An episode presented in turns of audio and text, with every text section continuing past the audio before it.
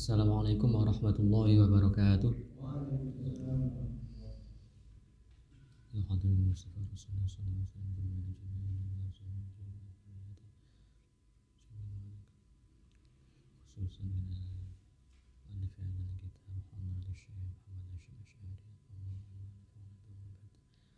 Ya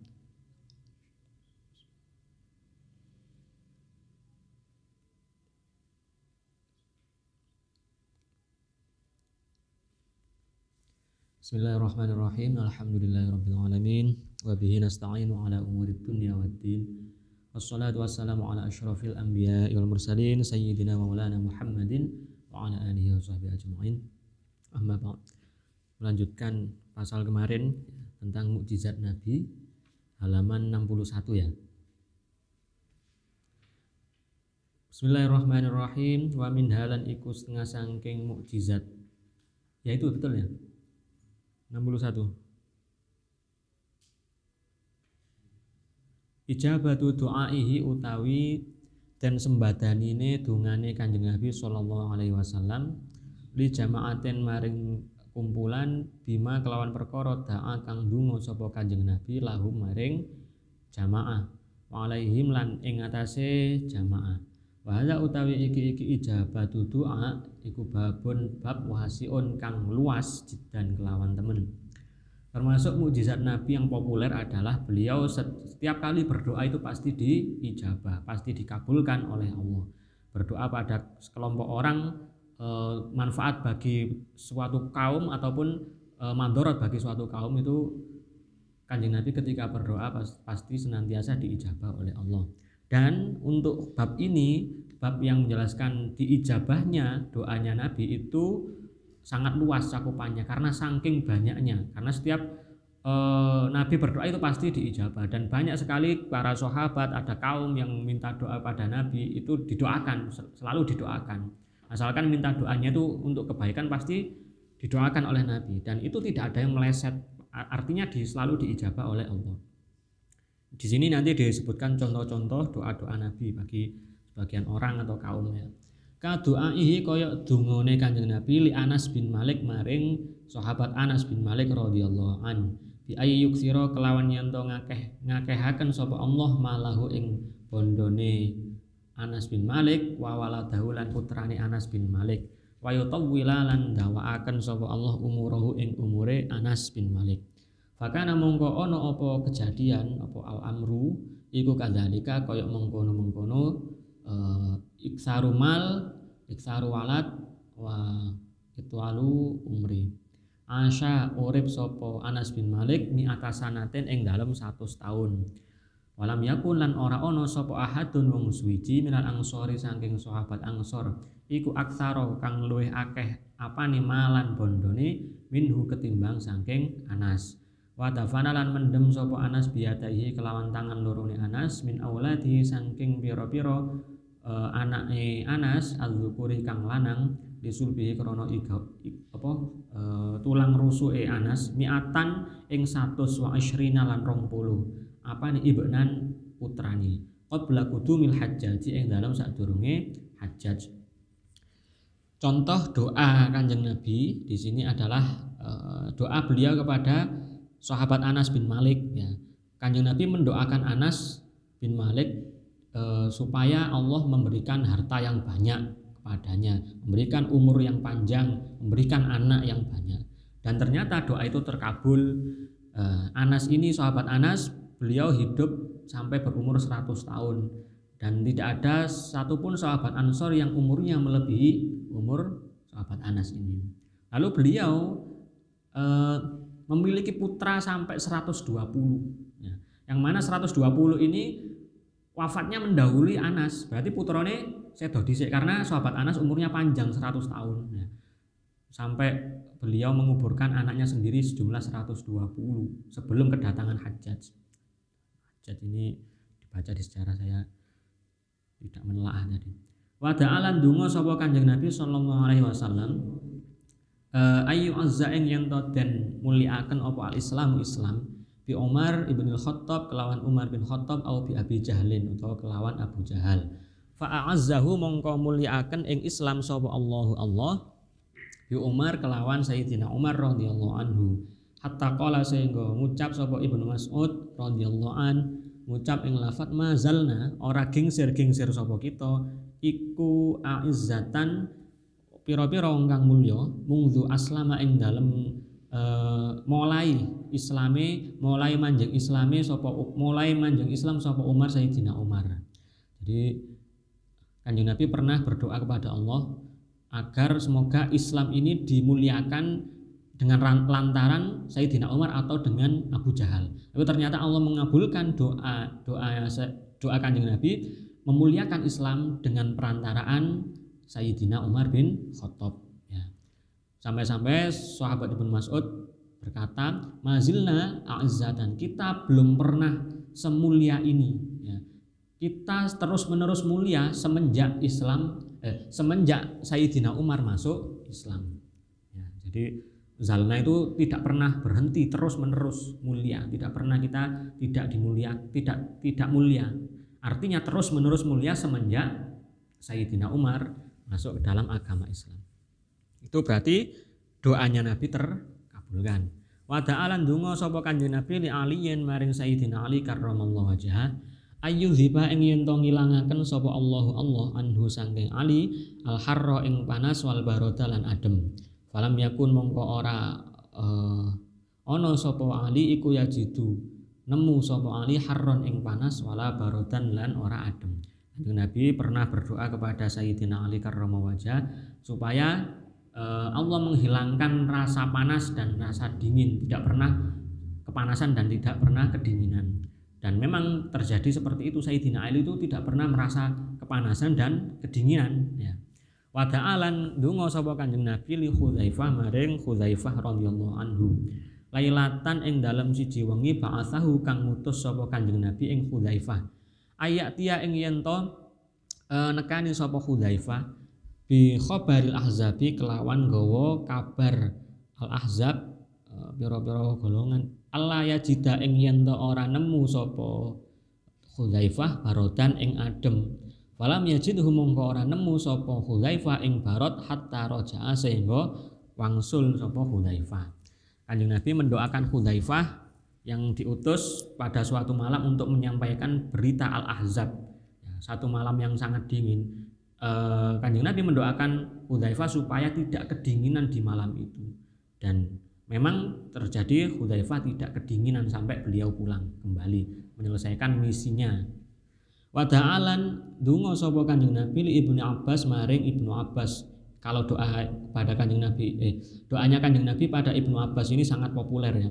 Radhiyallahu anhu dungone rupane ayu faqihahu ing yen to minteraken ing Abbas ing Ibnu Abbas sapa Allahu Allah fid ing dalam agama wa yu'allimahu lan mulang sapa Allah ing Ibnu Abbas at-ta'wila ing takwil. Takwil itu ya bisa dimaknai juga tafsir. Fakana mongko ono apa al-amru iku kadzalika kaya mengkono-mengkono ayyufaqihahu. Wa summiyalan dan sebut utawa den arani sapa Ibnu Abbas ba'du ing dalam sak sak marine den dungaaken bil habri kelawan wong kang kaya mangsi wa tarjumanil Quran lan juru terjemahi Al-Qur'an. Ini doa kanjeng Nabi kepada Ibnu Abbas. Beliau Ibnu Abbas itu terkenal sangat alim semenjak pernah didoakan oleh kanjeng Nabi. Nabi mendoakan Ibnu Abbas dengan ayyufaqihahullah. Allahumma faqih Ibnu Abbas dalam dalam konteks yang lainnya. Uh, ya Allah semoga engkau memberikan alim kepada Ibnu Abbas tentang agama dan engkau mengajarkan ia ilmu takwil. Ilmu takwil itu ilmu tafsir. Ya. Dan akhirnya memang Ibnu Abbas ini sangat ahli dalam masalah agama termasuk ulamanya sahabat dan meriwayatkan banyak sekali hadis juga Ibnu Abbas dijuluki tarjumanul Quran banyak sekali para sahabat yang tidak mengerti makna dari sebuah ayat bertanya kepada Ibnu Abbas dan dijawab secara lugas oleh Ibnu Abbas karena saking dalamnya ilmu Ibnu Abbas sehingga beliau dijuluki tarjumanul Quran Wa ta'ala ndongaaken sapa Kanjeng Nabi li Sa'ad bin Abi Waqqas maring Sa'ad bin Abi Waqqas radhiyallahu an. Ayu jiba ing yen to nyembadani sapa Allah Allah dakwatahu ing dakwae Sa'ad bin Abi Waqqas Fama da'a mongko ora dakwah sapa saat ala ahadin ing atase wong suwiji ilas tujiba kejaba den sembadani kejaba den trimo sapa lahu Sa'ad bin Abi Waqqas Doa kanjeng Nabi kepada sahabat Sa'ad bin Abi Waqqas eh, agar Allah senantiasa me, apa, menerima dakwahnya mengijabah seluruh dakwahnya dakwah kepada orang lain ya. eh, maka ketika berdakwah tidak ada seorang pun yang didakwai saat bin Abi Waqqas itu menolak ya. pasti diterima dakwahnya karena ini doa berkat doa kanjeng Nabi kepada beliau. Wa ta'ala ndonga sapa kanjeng Nabi li Abdurrahman bin Auf. Sahabat Abdurrahman bin Auf ini terkenal sangat kaya raya ya. Radhiyallahu anhu bil barokati kelawan barokah. Fa'atahu mongko maringi ing eh, Abdurrahman sapa Allahu Allah malan ing bondo kasiron kang. Akeh wa khufira lan den pendem apa azhabu emas mintir kati saking bondo tinggalane Ibnu Abbas. Yauma mautihi ing dalem dinane sedo Ibnu Abbas eh sedo Abdurrahman bin Auf bil fuusi kelawan piro-piro pacul. Oh khufira dan keduk ya dan keduk hatta majalat hatta majalat sehingga pegel fihi ing dalem eh apa yang khufira apa al aidi piro-piro tangan. Wa khadat lan ngalap sapa kullu zaujatin saben-saben bojo. Samanina ing 80 apane alfan ewu nih 80 ribu dinar. Au mi'at alfin atau riwayat lain 100 ewu dinar. Wa kunnalan ono sapa zaujah iku arbaan e, papat. Wa ausolan wasiat sapa Abdurrahman bin Auf bi khamsina kelawan 50 apane alfan ewune siwa sedaqatihi kang sakliyane sedaqahe Abdurrahman bin Auf al-fasyati kang masyhur fi hayatihi ing dalem mangsa uripe Abdurrahman bin Auf. Doa kanjeng Nabi kepada sahabat Abdurrahman bin Auf agar Allah memberikan keberkahan pada Abdurrahman. Maka akhirnya Allah memberikan harta yang sangat banyak kepada Abdurrahman bin Auf. Dagang opo mesti judu. Ya. Kemudian saat beliau Abdurrahman bin Auf itu sedo, meninggalkan harta yang sangat banyak. Emas kepingan-kepingan emas. Eh, di sini diibaratkan para ahli waris atau para sahabat menggali emas yang di, disimpan oleh Abdurrahman bin Auf itu sampai capek menggali dengan menggunakan cangkul. Saking banyaknya capek kecapean. Dan dari tirkah itu tirkah itu harta peninggalan mayit dibagi untuk empat istri Abdurrahman bin Auf masing-masing mendapatkan 80 ribu dinar 80 ribu keping. Ya satu keping itu berarti satu eh, apa jenenge? Satu keping dinar itu kan dari emas ya. Berarti 80 ribu keping dinar. 80 ribu dinar itu padahal kalau satu dinar itu bisa untuk membeli satu kambing. Jadi kalau ukurannya emas maka harga kambing mulai zaman kanjeng Nabi dulu sampai sekarang itu masih tetap kalau perhitungannya emas. Tapi kalau e, mata uang ya ada terjadi jenenge fluktuatif fluktuasi itu. Kalau emas hitungannya tetap. Jadi harta yang ditinggalkan itu cukup untuk dibagi ke empat istri beliau masing-masing mendapatkan 80 ribu dinar ya. Atau ada kaul yang mengatakan 100 ribu dinar saking akeh. Ya. Dan e, semasa hidup Abdurrahman bin Auf itu wasiat 50 ribu dinar ya. 50 ribu dinar itu kalau yang namanya wasiat itu kan nggak boleh misalkan ada orang meninggal sebelum meninggal wasiat Wah, wasiatnya itu nggak boleh melebihi seperempat harta. Misalnya hartanya satu miliar maka wasiatnya nggak boleh lebih dari seperempat miliar. Di sini dikatakan khomsina alfan wasiatnya 50 ribu dinar. Ya berarti mungkin totalnya sampai 200 ribuan. Nah ini itu e, selain yang disodakohkan e, Abdurrahman bin Auf semasa hidup Abdurrahman bin Auf itu kan sangat terkenal dengan sedekahnya. Ketika jamaah Isya selesai Abdurrahman bin Auf ini satu riwayat ya. Abdurrahman bin Auf itu dengan apa pegawainya mendata siapa para jamaah yang pulang dari situ kemudian diberi sangu untuk pulang. Pokoknya berusaha apa jenenge laba pada hari itu itu nggak disimpan Wis kaya ngono tiap hari dibagikan laba perdagangan beliau di setiap harinya pasti dibagikan untuk orang yang berjamaah di masjid. Itu pun masih kebingungan untuk menghabiskan hartanya.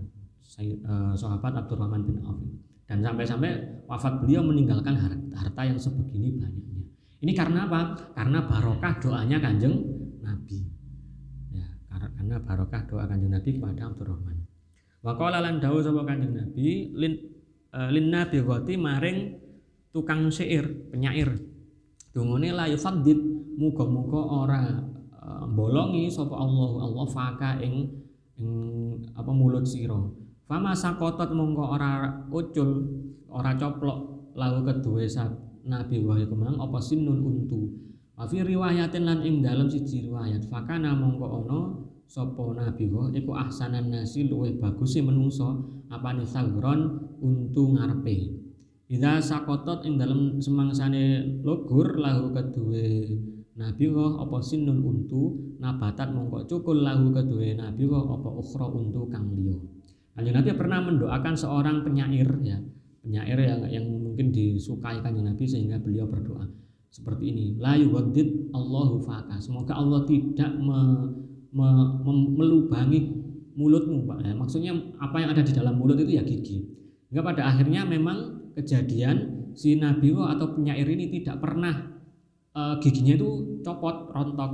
Atau dalam satu riwayat ketika giginya rontok maka langsung tumbuh gigi yang lain. Sehingga beliau apa si penyair ini menjadi orang yang paling indah gigi depannya. Berkat doa Kanjeng. Wa ta'ala ndonga sapa Kanjeng Nabi li Abi Thalhah maring Abi Thalhah. Wali mar'ati lan maring bojone Abi Thalhah. Ummi Sulaimin rupane Ummi Sulaim. Dungane ayu barika ing yen to maringi barokah sapa Allah Allah lahuma maring Abi Thalhah wa Ummu Sulaim fi lailatihima ing dalem wengine manten iki mang ing dalem wengine Abi Thalhah wa Ummu Sulaim. Fakana mongko ana apa kejadian al amru iku kandhalika kaya mengkono-mengkono ayyub harika fahamalat mongko hamil sapa imro'ah ummu sulaim wa waladat lan nglahiraken sapa imro'ah abdullahi ing abdul ing abdullah. Fakana mongko ana iku min auladis saking pira-pira putrane Abu Talha sapa sitatun wong songo. Kulhum kang utawi kabehane tis'a ya sitah tis'ah ulamaa iku ulama dadi ulama kabeh Doa kanjeng Nabi kepada pasangan Abu Talha dan Ummu Sulaim eh, agar Allah memberikan barokah kepada keduanya di malam, ya mungkin ini malam pertamanya. Ya. Bahkan kadzalika dan akhirnya eh, hal itu ter, terjadi betulan. Allah memberikan keberkahan di setiap malam dua eh, pasangan ini. Ya. Hingga pada akhirnya Ummu Sulaim melahirkan Abdullah, hamil dan melahirkan Abdullah. Dan pasangan ini memiliki sembilan putra yang kesemuanya menjadi ulama. Barokah doanya kanjeng Nabi. Wa ta'ala ndonga sapa kanjeng Nabi li ummi Abi Hurairah maring ibune Abi Hurairah bil hidayati kelawan hidayah. Kelawan oleh hidayah. Pada apa mongko medal mongko apa budalan sapa Abu Hurairah ta Abu Hurairah. Fawajada mongko nemokaken sapa Abu Hurairah ing ummu um, ummi Abu Hurairah ing ibu ibuke tasilu ing utawa hale adus sapa ummi Wakot aslamat lan teman-teman manjing Islam sapa ummi radhiyallahu anha. Doa Kanjeng Nabi kepada ibunya Abu Hurairah nah, agar beliau diberikan hidayah oleh Allah. Akhirnya betul-betul terjadi Abu Hurairah eh, menemui ibunya dan mendapati sang, sang ibu sedang mandi dan manjing atau masuk ke dalam agama Islam membaca dua kalimat syahadat. Wada'alan akan sapa Kanjeng Nabi li Ummi Qaisin maring Ummu Qais binti Muhson ukhti Ukasha kang dadi dulur wadone Ukasha radhiyallahu anhu. Donga bitulil umuri kelawan dawane umur. Fala lamu mongko ora den weruhi sapa imro'atun nang wadon ummirat kang den paringi panjang umur sapa imro'ah ma ummirat kelawan koyok panjang umure Ummu Qais jadi kanjeng Nabi mendoakan Ummu Qais binti Muhson saudara perempuannya Ukasha dengan umur panjang. Pada saat itu tidak didapati perempuan yang panjang umur melebihi umurnya Ummu Qais.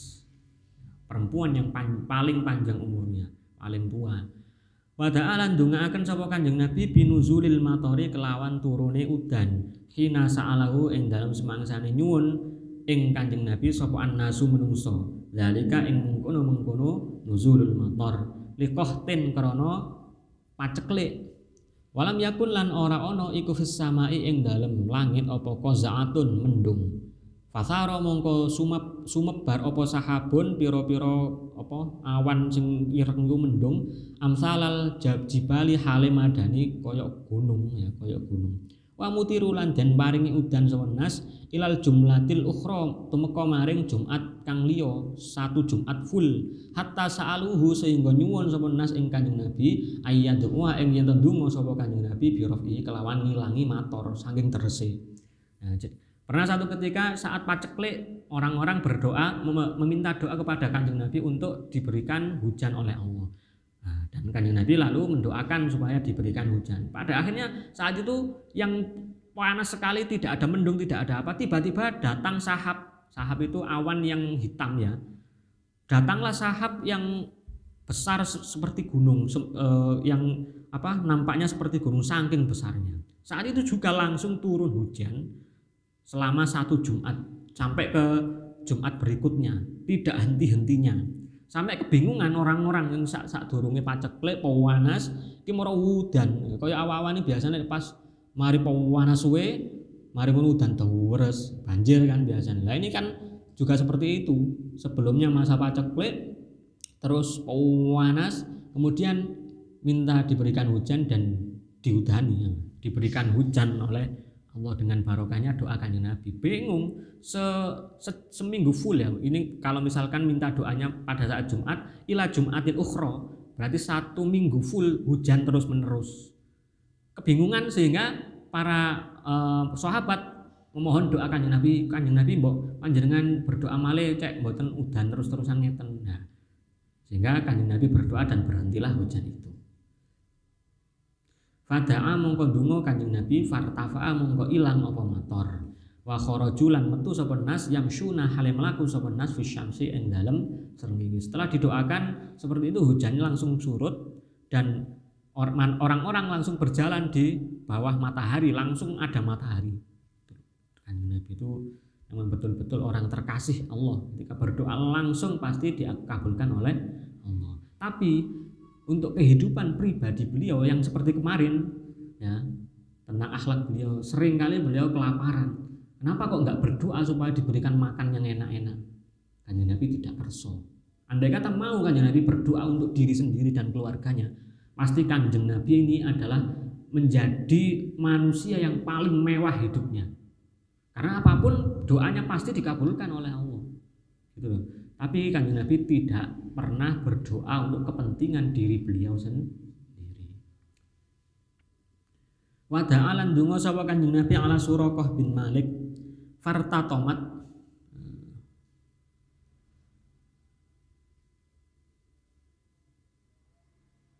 nyerobot bi kelawan Surakoh apa farosuhu jarane Surakoh? Fisul bin ing dalem apa tulang sulbin tulang apa jenenge? Iga minal ardi saking bumi. Wasahat lan keblowo terprosok sapa sura kofia ing dalam ard fanadahu mongko uh, ngundang sapa suraka ing Kanjeng Nabi bil amani kelawan utawa nyuwun donga sapa suraka ing Kanjeng Nabi bil amani kelawan aman. Wasa'alahu lan uh, ndongaaken lan jaluk sapa suraka ing Kanjeng Nabi doa ing doa. Wa ta'alan donga sapa Kanjeng Nabi ala Surakoh bin Malik pernah terjatuh dari kudanya. Ya. terjatuh dari kudanya dan jatuh pas di tulang rusuknya. Kemudian Surakoh minta doa kepada Nabi untuk diberikan keamanan. Dan alhasil Surakoh tidak mengalami kecelakaan yang serius. Wa ta'alan donga sapa Kanjeng Nabi ala Utbah bin Abi Lahab yang ngatasi Utbah bin Abi Lahab ayyusal lito ing yen to nguasani sapa Allah taala kalban ing asu min kilabi saking pira-pira asune utbah. Faqatalahu mongko mateni ing ut ing ing ing, ing kalbun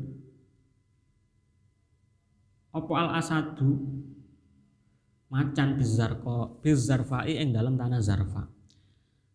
Ini ada put, uh, anaknya Abu Lahab memiliki banyak sekali anjing ya kemudian kanjeng Nabi berdoa agar Allah menguasai anjing-anjing galaknya Utbah ini nah, pada satu ketika uh, ada harimau dari tanah Zarfa yang menguasai atau yang mengalahkan anjing-anjing yang begitu dibanggakan oleh Utbah. Mungkin ini anjingnya digunakan untuk mengganggu kaum muslimin ya. Mengganggu kaum muslimin dan e, memerangi kaum muslimin. Anjing ini sangat terlatih sampai begitu merepotkan kaum muslimin. Wa ta'alan dungo sapa kanjeng Nabi ala mudirin ing antase mudor, mudir apa mudor iki.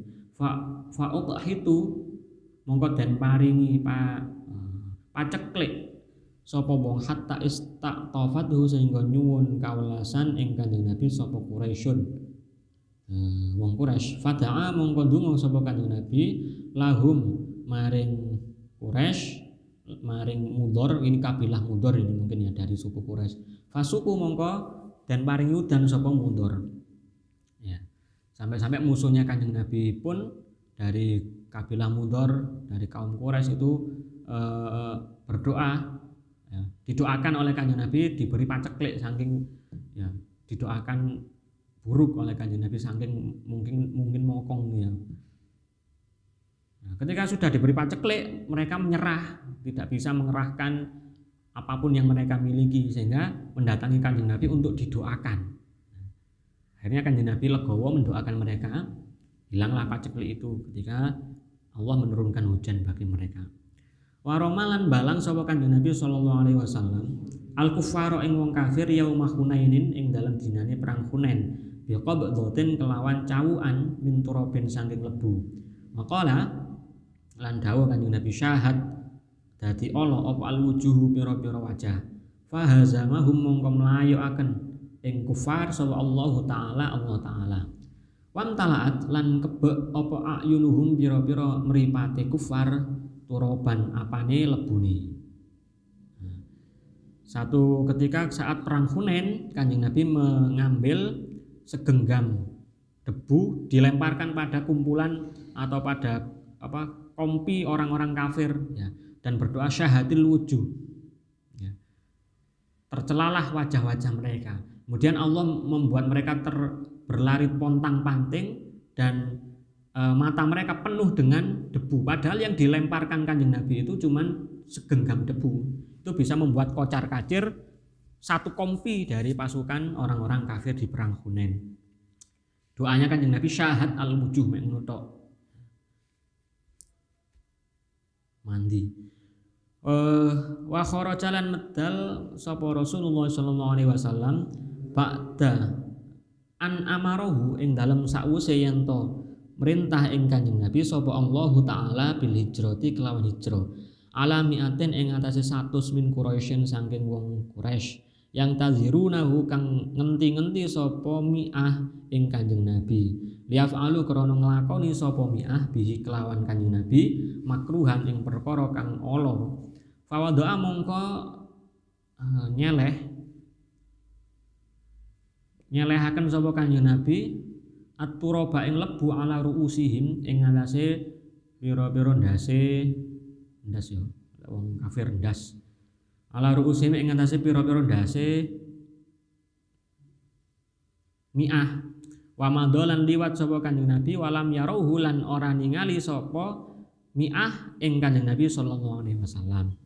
Ini saat kanjeng Nabi mau hijrah ya ke Madinah awal-awal masa Islam ini. Uh, dihalang-halangi oleh 100 orang Quraisy yang mendengar oh Nabi Muhammad mau hijrah ke Madinah. Dihalangi di perjalanan. Nah, kanjeng Nabi tahu tersebut kemudian mengambil segenggam debu dan di sini tidak disebutkan tapi doanya bagaimana. Debu itu kemudian ditaburkan ke kepala mereka. Ya pokoknya gak semua 100 orang kan pokok di wernongin. Akhirnya kanjeng Nabi lewat dengan santainya di hadapan 100 orang tadi yang mencegat di perjalanan mereka 100 orang sama sekali tidak tahu yang berjalan di depannya itu adalah kanjeng. Padahal rencana busuk sudah mereka uh, buat, tapi tidak bisa melihat kanjeng Nabi karena ya itu termasuk mukjizatnya kanjeng Nabi ya. Oh itu semua contoh-contoh mukjizat yang berupa doa. Doanya kanjeng Nabi kepada orang lain, pada uh, kelompok Wahadil malkuratu utawi iki iki perkara kang wis tutur iku nubzatun cuplikan min mukjizatihi saking pira-pira mukjizate kanjeng Nabi alaihi salatu wassalam. Wa hadzal babu utawi iki iki bab iku ausa'u luweh luwih jembar wa aksarulan luwih akeh min ayyu hato ketimbang yang to bisa dan liput bisa dicakup apa bi hadza wal ahaditsu utawi pira-pira hadis fi dzalika ing dalem mengkono-mengkono mukjizat iku kasiratun akeh jidan kelawan banget la takadu kang ora parek apa kasirah iku tuhsa bisa den itung apa kasirah wa qad jina lan temen-temen teka sapa ingsun nekaaken sapa ingsun minha saking kasirah bil masyhuri kelawan hadis-hadis kang masyhur wa malan perkara utawa hadis waqa kang ono kang tumiba apa ma fi kutubil a'immati ing dalam biro-biro kitabe imam. Jadi yang eh, disebutkan di atas contoh-contoh mukjizat di atas itu merupakan cuplikan atau hanya sebagian kecil dari mukjizatnya kanjeng Nabi yang tak terhitung banyaknya. Bab ini kalau misalkan e, dituturkan semua mukjizat kanjeng Nabi maka satu kitab ini nggak akan cukup hanya menyebutkan mukjizat kanjeng Nabi tidak akan bisa terliput dalam catatan saking banyaknya. Dan hadis-hadis mengenai mukjizat kanjeng Nabi itu sangatlah banyak yang tidak akan bisa dihitung. Ya kangelan ngitungi saking akeh. Nah, aku Kiai Musonef mengatakan aku me mencuplik sebagian hadis-hadis yang masyhur saja di sini. Jadi semua yang disampaikan Kiai Musonef tentang mukjizat-mukjizat Nabi di dalam Fasal ini itu semuanya bersumber dari hadis-hadis yang masyhur, hadis-hadis yang populer. Istilahnya sudah mutawatir, tidak ada satupun ulama yang mengingkari adanya keterangan tentang mukjizat Nabi ini. Ya, karena hadisnya sudah masyhur, sudah populer. Dan hadis-hadis yang sudah termaktub di dalam karangan para ulama, para imam. Jadi tidak ada yang meragukan keotentikan eh, apa yang ada di dalam pasal ini itu tentang mukjizat Nabi. Lanjut faslun utawi ikilah fasal. Ini tentang solawat kepada kanjeng Nabi. Fis solati ing dalam mertelaaken solawat alaihi ing atase kanjeng Nabi wat taslimi lan uluk salam ya solawat lan salam. Wa hukmi dzalika lan hukume mengkono-mengkono solawat wat taslim. Wa fadilatihi lan fadilai dzalik. Qala dawu Allah taala innallaha wa malaikatahu yusalluna. Inna Allah saat temani Gusti Allah wa malaikatahu lan malaikati Allah iku yusalluna paring uh, rahmat atau ndongaaken selawat sapa Allah wa malaika ala nabi ing atase Kanjeng Nabi. Ya ayyuhalladzina eling-eling wong akeh amanu kang padha iman sapa alladzin sallu maca selawat sira kabeh alaihi ing atase Kanjeng Nabi. Wasallimu lan donga ndongakno salam sapa sira kabeh ing Kanjeng Nabi tasliman kelawan bener-bener donga salam. Jadi dalam Al-Qur'an pun Allah dan malaikat uh, senantiasa bersolawat karena ini menggunakan fi'il mudho mudhari. Shalla yusolli yusalluna. Fi'il mudhari itu kan uh, memiliki, memiliki dua fungsi ya, zaman hal dan zaman istiqbal. Kalau dikatakan di Al-Qur'an shalla yusolli yusalluna itu berarti maksudnya zaman hal. Sekarang pun masih berlangsung Allah dan malaikatnya sholawat kepada kanjeng Nabi berarti tidak henti-hentinya. Maka itu Allah memerintahkan kepada sekalian orang-orang yang beriman Sallu alaihi Salawatlah kalian dan salamlah kalian kepada kanjeng Nabi. Sekuat tenaga kalian Sebanyak waktu kalian ingat. Qala dawu sapa Ibnu Abbas radhiyallahu anhu maknahu utawi maknane uh, lafat innallaha malaikatahu yusalluna iku maknane ayat ya iku innallaha sak temene Gusti Allah wa malaikatahu lan malaikati Allah. Iku yubarikuna paring rupa. Paring rupa itu penghormatan ya. Alan nabi ing atase nabi. Wakilalan dan ucapakan innallaha sak temene Allah taala iku yatarohamu las asih sapa Allah alan nabi ing atase kanjeng nabi. Wa anna malaikatahu lan sak temene malaikate Allah iku yad'una donga sapa malaikat lahu maring Kanjeng Nabi.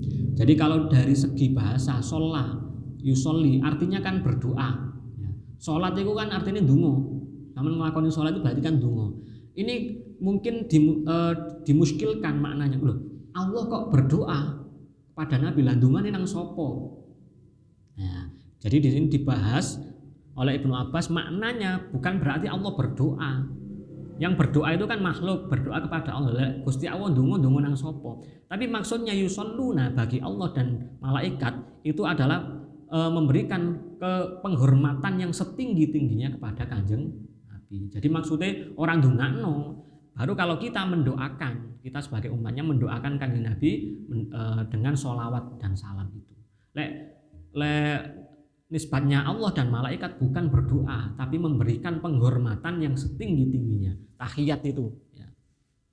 Ada versi lain, Inna Allah Taala yataroham bukan uh, yang awal tadi memberikan penghormatan tapi yatarohamu maknanya yusolluna berarti Allah memberikan rahmat kepada kanjeng Nabi dan malaikatnya baru berdoa kepada Allah untuk diberikan sholawat dan salam kepada kanjeng Nabi.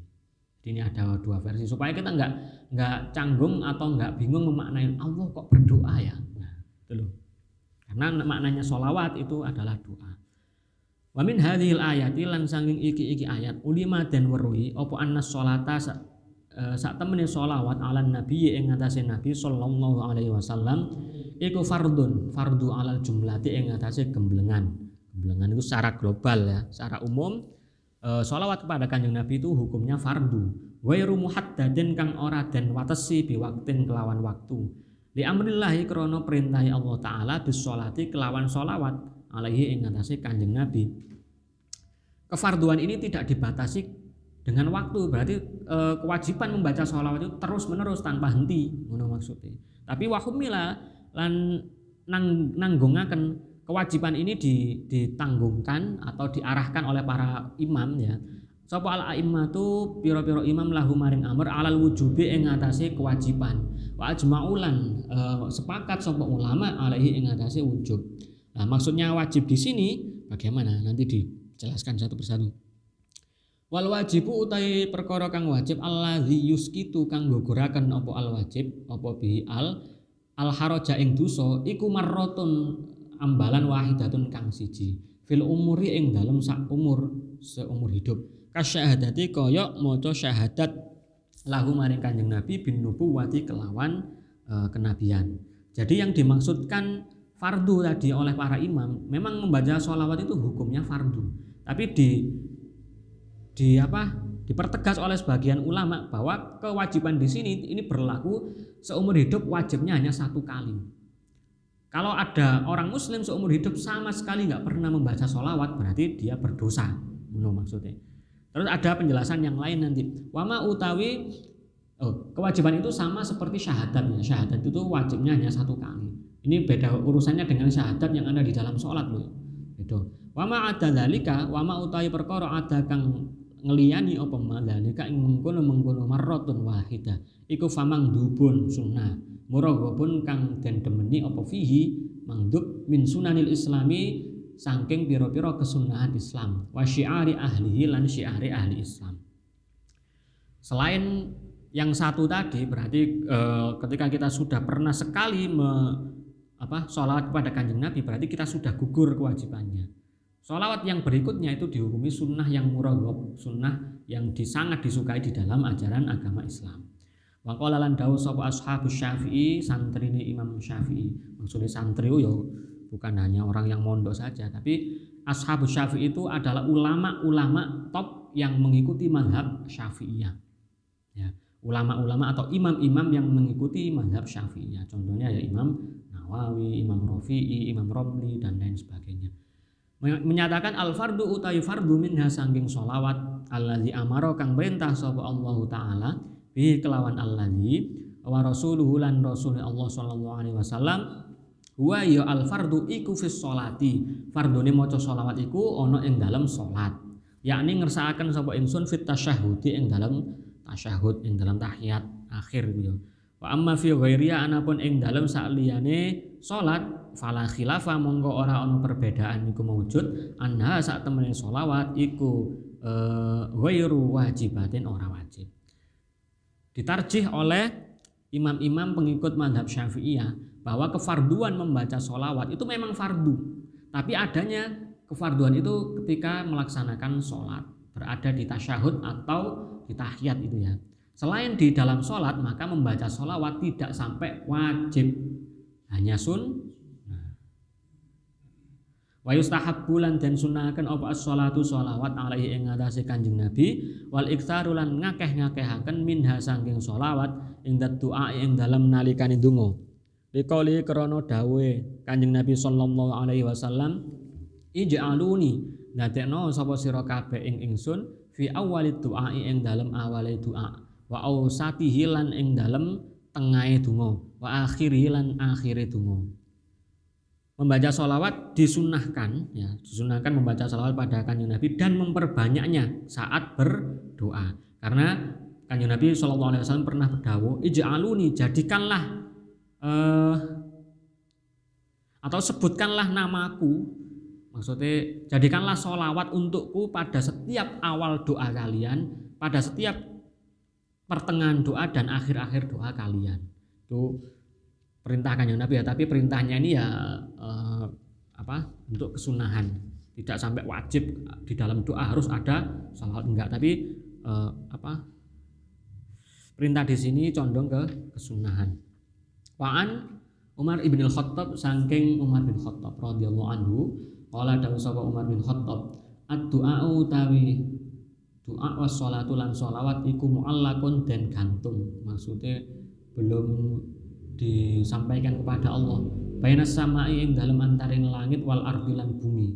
Fala yasudu monggo ora munggah apa doa was sholat ilallahi maring Gusti Allah minhu minhu sangking doa was sholat apa syai'un suwiji-wiji ila yasudu ya ternyata. Apa syai'un suwiji-wiji hatta yusalla sehingga dan sholawati sapa ala nabi kanjeng nabi sallallahu alaihi wasallam. Sayyidina Umar bin Khattab pernah dawuh ad-doa was sholat. Doa dan sholat ini sholat usolli ya sholat yang fardu itu digantungkan di antara langit dan bumi. Tidak akan naik eh, pada Allah tidak akan diaturkan kepada Allah selagi orang yang melakukan doa dan sholat itu belum bersolawat kepada kanjeng jadi syarat doa dan sholat kita bisa diterima oleh Allah adalah membaca sholawat kepada kanjeng Nabi. Ini disampaikan oleh sahabat Umar bin Khattab. Wa'an dan riwayatakan saking Abdullah bin Mas'ud radhiyallahu anhu. Qala dawu sapa Abdullah bin Mas'ud, "Idza arada ing dalem nalikane ngarepaken sapa ahadukum salah siji sira kabeh, ayas ala ing yen nyuwun sapa ahad Allah ing Allah, syai'an ing suwiji-wiji fal yabda mongko becik ngawitono sapa ahad. Bimadahihi kelawan muji ing Allah. Wasana ilan ngelem ing Allah. Alaihi ing atase Allah bima kelawan barang huwa kang utawi Allah iku ahluhu ahline ma Thumma liusolli mongko nuli becik maca selawat sapa ahad ala nabi ing atase nabi sallallahu alaihi wasallam. Thumma yas'al mongko nuli jaluk jaluk sapa ahad. Fa innahu mongko sak temene uh, ahad iku aja daru luwe pantes.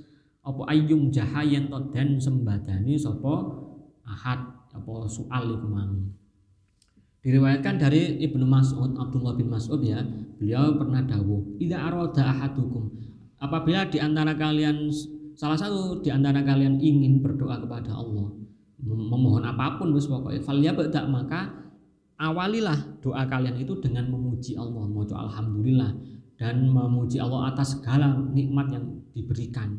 Lalu kedua, hendaklah ia bersolawat kepada kanjeng Nabi Shallallahu Alaihi Wasallam. Doa yang diawali dua dua ini maksudnya alhamdulillah dan sholawat itu lebih pantas untuk diterima, diijabah maksudnya. Jadi kesimpulan lek diwali mafhumu khalafai dungo sing gak diawali alhamdulillah ambil sholawat iku gak pantas diijabah. Makanya kenapa setiap doa yang diajarkan oleh salafus soleh para ulama para kiai kita itu pasti ada membaca alhamdulillahirobbil alamin kemudian membaca sholawat baru di tengahnya ada do orang langsung moro-moro Allahumma ya gak. Langsung Allahumma ya gak pantas di ijabah. Ya cara tata kromone kurang adab dalam berdoanya kurang. Wakadalan kau mengkono-mengkono maca sholawat ing dukhulil masjid ing dalem nalikane melbu masjid. Masuk masjid pun juga perlu membaca sholawat. Waru yalan dan riwayatakan an Fatimah sanging Sayyidah Fatimah binti Rasulullah sallallahu alaihi wasallam. Apa sing diriwayatno annan nabi ya sak temene nabi sallallahu alaihi wasallam iku kana ana sapa Kanjeng Nabi iku yafalu agawe sapa Kanjeng Nabi zalika ing mengkono-mengkono sholawat ing dukhulil masjid. Wakada lan koyo mengkono-mengkono dalik ing sholati ing nalikane nyolati alal janaiz ing ngatasi jenazah. Wahukia lan den akan an Abi Umamah ta sanging Abi Umamah apa anna sak temene maca sholawat iku minas sunnati termasuk sunnah tuntunan. Begitu pula sunnah membaca sholawat saat masuk masjid sebagaimana uh, riwayat Fatimah binti Rasulillah, Sayyidah Fatimah ya. Itu pernah meriwayatkan bahwasanya Kanjeng Nabi Shallallahu alaihi wasallam itu melakukan hal itu. Maksudnya sebelum masuk masjid beliau membaca sholawat. Ya. Kanjeng Nabi mau sholawat kan gawe dewi. Karena apa? Allah saja membaca sholawat pada Kanjeng Nabi. Masa Kanjeng Nabi nggak membaca sholawat kan seperti itu. Nah, karena diberi contoh oleh kanjeng Nabi, maka membaca sholawat ini termasuk kesunahan. Kesunahan itu sesuatu ibadah yang diajari langsung oleh kanjeng Nabi. Makanya nanti di dalam usul fikih itu sama akan mengenal istilah sunnah, istilah apa mangdubah, kemudian istilah uh, al-aula dan lain sebagainya. Tapi kalau derajatnya sudah sunnah itu perkara baik yang memang diajarkan langsung oleh kanjeng Nabi.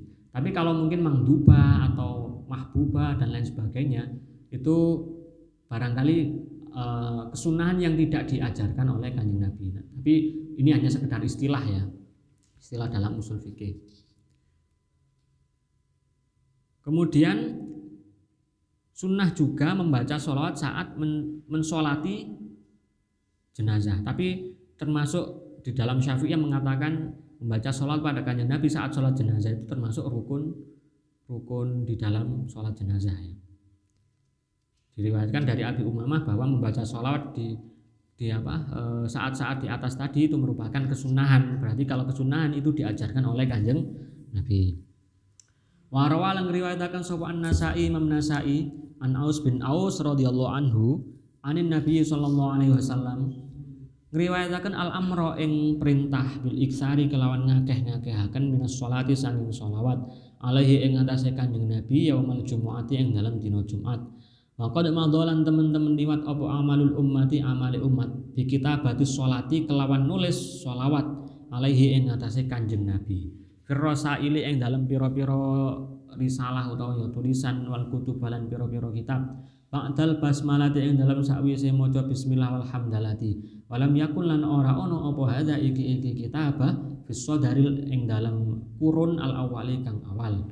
Wa dan anyar-anyari apa hadza ing wilayati Bani Hashim ing dalam semangsane pemerintah pemerintahane Bani Hashim. Summa madha mongko nuli nerus apa bihi hadza ini apa nimbuli. Summa madha mongko nuli nerus bihi kelawan hadza apa amalun nasi uh, perbuatane menungso fi aktoril ardi ing dalam penjajahane bumi. Wa min ulan iku setengah saking nas man utawi wong yah, yahtimu kang uh, nyetempel sapa nas bi kelawan solawat bi kelawan hada? Ar-rasaila ing ing ing risalah surat ya wal kutubalan pira-pira tulisan amalan krana nglakoni bikoli kelawan dawuh Kanjeng Nabi sallallahu alaihi wasallam. Man dawe kanjeng Nabi rupane man utawi sapane wong iku sholat sholawat sapa man alayya ing ngatasé ingsun fi kitabin ing dalam tulisan atau ing dalam kitab lam tazal mongko ora gengser-gengser sapa al malaikatu malaikat. Iku tastaghfiru nyuwunaken istighfar sapa malaikat lahu maring man. Madama ing dalam selagi langgeng apa ismi uh, jeneng ingsun fi dalikal kitab ing dalam mengkono-mengkono kitab utawa tulisan. Uh, Imam Nasai meriwayatkan dari Aus bin Aus ya. Bahwasanya meriwayatkan dari kanjeng Nabi Shallallahu Alaihi Wasallam meriwayatkan perintah untuk memperbanyak sholawat pada hari Jumat. Nah, telah lewat atau telah populer eh, amalia atau aktivitas-aktivitas umat, aktivitas manusia untuk menuliskan sholawat di surat ataupun tulisan-tulisan mereka setelah Bismillah dan Alhamdulillah. Nah, ini sudah sangat populer di kalangan umat Muslim apa setelah misalkan menulis surat kepada orang lain mengucap Bismillah Alhamdulillah kemudian sholawat di situ. Baik di dalam kitab karangan ataupun di dalam surat itu sangat populer. Namun hal ini tidak populer di di kurun sebelum pemerintahan Bani Hashim. Ya. tapi ke, kebiasaan ini kemudian berlanjut sampai sekarang fi aktoril ardi di seluruh penjuru dunia. Nah berarti ini termasuk eh, apa ya istilahnya? Kalau uhdisa itu kan berarti bid'ah. Bid'ah yang hasanah sesuatu yang diperbarui maksudnya yang belum pernah ada di zaman Rasul. Tapi ini merupakan bid'ah yang hasanah karena apa? Menuliskan sholawat di setiap tulisan. Wa minhum man yahtimu bihi ar-rasail. Di antara uh, sahabat atau kaum umatnya Nabi Muhammad ada golongan yang membuat stempel. Ya, yahtimu itu Eh, membuat stempel dengan solawat ya, di setiap tulisan dan surat yang mereka kirimkan. Amalan karena mengamalkan dawanya kanjeng Nabi Shallallahu Alaihi Wasallam. Dawanya kanjeng Nabi begini, man alaiya fi kitabin, barang siapa bersolal padaku di dalam kitab atau tulisan ya, lam tazal al malaika, maka malaikat senantiasa akan memohonkan ampun padanya selagi namaku, selagi e, tulisan namaku tetap berada di kitab itu. Nah, Kanjeng Nabi pernah dawuh seperti ini, tapi tidak pernah memerintahkan menulis sholawat di kertas, menulis sholawat di tulisan. Nah, berarti pada zaman kanjeng Nabi kan belum ada. Nah ini berarti termasuk bid'ah, tapi bid'ah yang hasanah. Bid'ah hasanah itu sesuai dengan syariat, sesuai maknanya dengan perintah kanjeng Nabi. Ini bukan perintah ya sebenarnya ya, kabar baik bagi orang yang mau bersolawat padaku di tulisan, maka ia akan di diberikan atau dimohonkan ampun oleh malaikat selagi tulisan nama kanjeng Nabi atau sholawat di kertas itu belum hilang. Nah, ini berarti kita memahami sebuah eh, apa hadis itu tidak langsung serta merta semuanya digeneralisir seperti kemarin ya kullu bid'atin dolala. Seperti ini pun kan bid'ah ini. Kanjeng Nabi di, di zaman kanjeng Nabi Swisodril ula dinyatakan tidak pernah menuliskan sholawat di dalam setiap tulisan yang kemarin kan e, dijelaskan cuman ada stempel kenabian saja Muhammadun Rasulun Allahi Muhammadur Rasulullah itu cincin kanjeng Nabi ya. Tapi ternyata bid'ah yang seperti ini sesuai dengan anjuran kanjeng Nabi, sesuai dengan e, berita baik yang disampaikan kanjeng Nabi. Sebarang siapa orang yang menuliskan so, apa namaku dalam sebuah kitab atau catatan, maka ia akan dimohonkan istighfar, di, dimohonkan ampunan oleh malaikat selagi tulisan namaku atau tulisan sholawat itu masih ada di kertas itu. Loh. Zaman enak ini makanya dari umatnya kan Nabi itu enak sama menulis sholawat di kitab Allahumma sholli ala Muhammad. Ngono wis pokoknya kitab zaman gak hilang tulisan itu sih pancet malaikat sih gak kesel-kesel no sampean karena malaikat itu gak, gak tahu kesel ya. ketika diperintahkan sesuatu ya malaikat gak pernah uh, apa berhenti atau istirahat dari melaksanakan tugasnya itu. Ada malaikat yang dari awal diciptakan sampai yaumil akhir nanti sujud ya sujud. Kalau istilahnya malaikat boyo enggak ono. Nah, malaikat itu selalu taat pada perintah Allah. Makanya mungkin saking banyaknya malaikat ya ada malaikat khusus yang diciptakan khusus untuk mendoakan istighfar bagi orang yang membaca sholawat ada. Ya, saking banyaknya jumlah malaikat pun sampai memiliki mawon pun Allah alam Al-Fatihah